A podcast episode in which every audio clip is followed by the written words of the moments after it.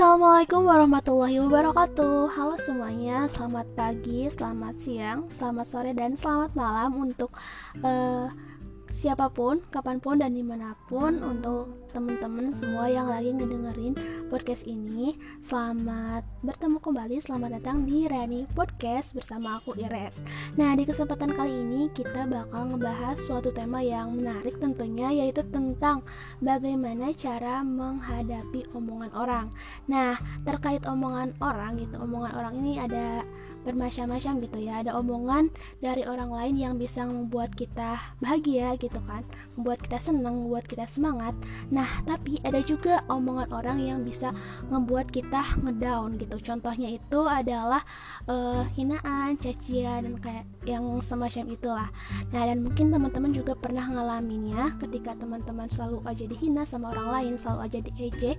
Nah aku punya suatu quotes yang menurut aku bagus banget buat kita Nah, quotesnya itu kayak gini. Dihina tak membuat kita menjadi buruk, dipuji juga tak membuat kita menjadi lebih baik.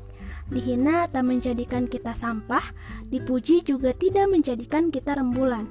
Sebab yang menjadikan baik dan buruknya kita adalah bagaimana perilaku kita. Nah, jadi terus saja melangkah dan membentang kebaikan meski penuh cacian dan makian. Terus saja berjuang dan memperluas kebermanfaatan meski tak ada yang bertepuk sebelah tangan. Biarkan manusia sibuk memberi penilaian, sementara kita sibuk mengejar nilai dari Allah Subhanahu wa taala. Nah, gimana teman-teman? Uh, ini cukup membuat kita jadi semangat atau kayak gimana? Nah, selain itu nih ada suatu kisah yang menurut aku juga bener-bener wah ini tuh keren banget. Nah dan kisah ini juga di uh, apa ya diabadikan dalam Al-Quran. Nah bagaimana kisahnya? Nah ini juga uh, semoga gitu ya kisah ini tuh bisa membuat kita jadi semangat lagi. Uh, langsung aja ini dia kisahnya. Nah, jadi ini adalah salah satu kisah yang diabadikan dalam Al-Quran yaitu kisah dari Luqman Al-Hakim. Nah, beliau adalah seorang seorang ayah yang namanya diabadikan dalam Al-Quran. Nah, jadi suatu hari Luqman Al-Hakim ini bersama anaknya pergi ke pasar dengan seekor keledai. Nah, di awal perjalanan Luqman menaiki keledai tersebut sedangkan anaknya berjalan di sampingnya. Kemudian terdengarlah seruan dari para pengunjung. Wah, pengunjung pasar ya maksudnya. Nah, mereka bilang kayak gini, Wah, dasar orang tua gak tahu diri, masa anaknya disuruh berjalan gitu, sedangkan dia menaiki keledai. Nah, mendengar hal tersebut, Lukman kemudian turun dari keledai dan mempersilahkan sang anak untuk menaikinya. Nah, kemudian dia lanjut lagi nih berjalan.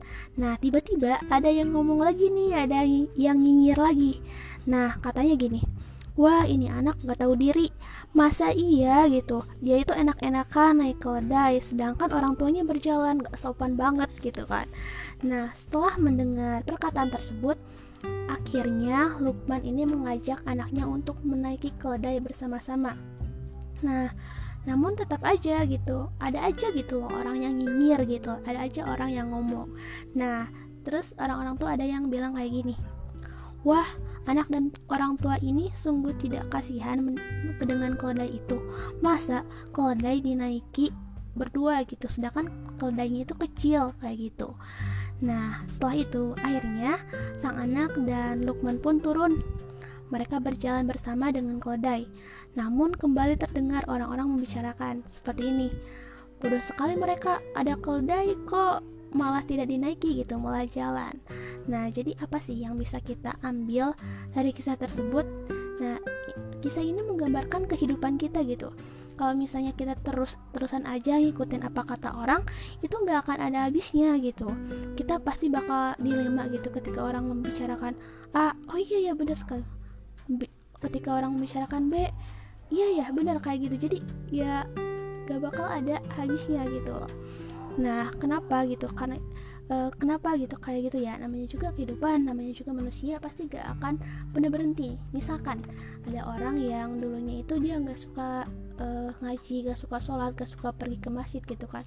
Nah ketika dia tidak suka beribadah orang-orang pasti bakal bilang ih kok dia kayak gitu sih? Katanya muslim gitu tapi gak suka sholat gak suka ibadah. Nah kayak gitu. Nah ketika dia juga berusaha untuk berubah menjadi lebih baik gitu kan. Dia sholat dia ibadah.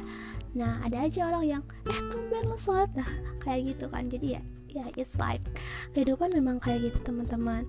Nah tapi satu hal yang harus kita kutip yang harus kita apa ya jadikan pedoman adalah ya uh, doing doing the best intinya lakukan apa saja yang menurut kita baik tapi itu juga harus sesuai dengan uh, kaidah atau tuntunan-tuntunan yang ada dalam uh, ajaran Islam seperti itu. Uh, mungkin itu aja teman-teman sharing kali ini dari Rani Podcast. Uh, sampai jumpa di episode selanjutnya. Tetap stay tune semoga hari-harinya menyenangkan. Uh, jaga kesehatan dan tetap semangat. Oke sekian, sampai jumpa di episode selanjutnya. Assalamualaikum warahmatullahi wabarakatuh.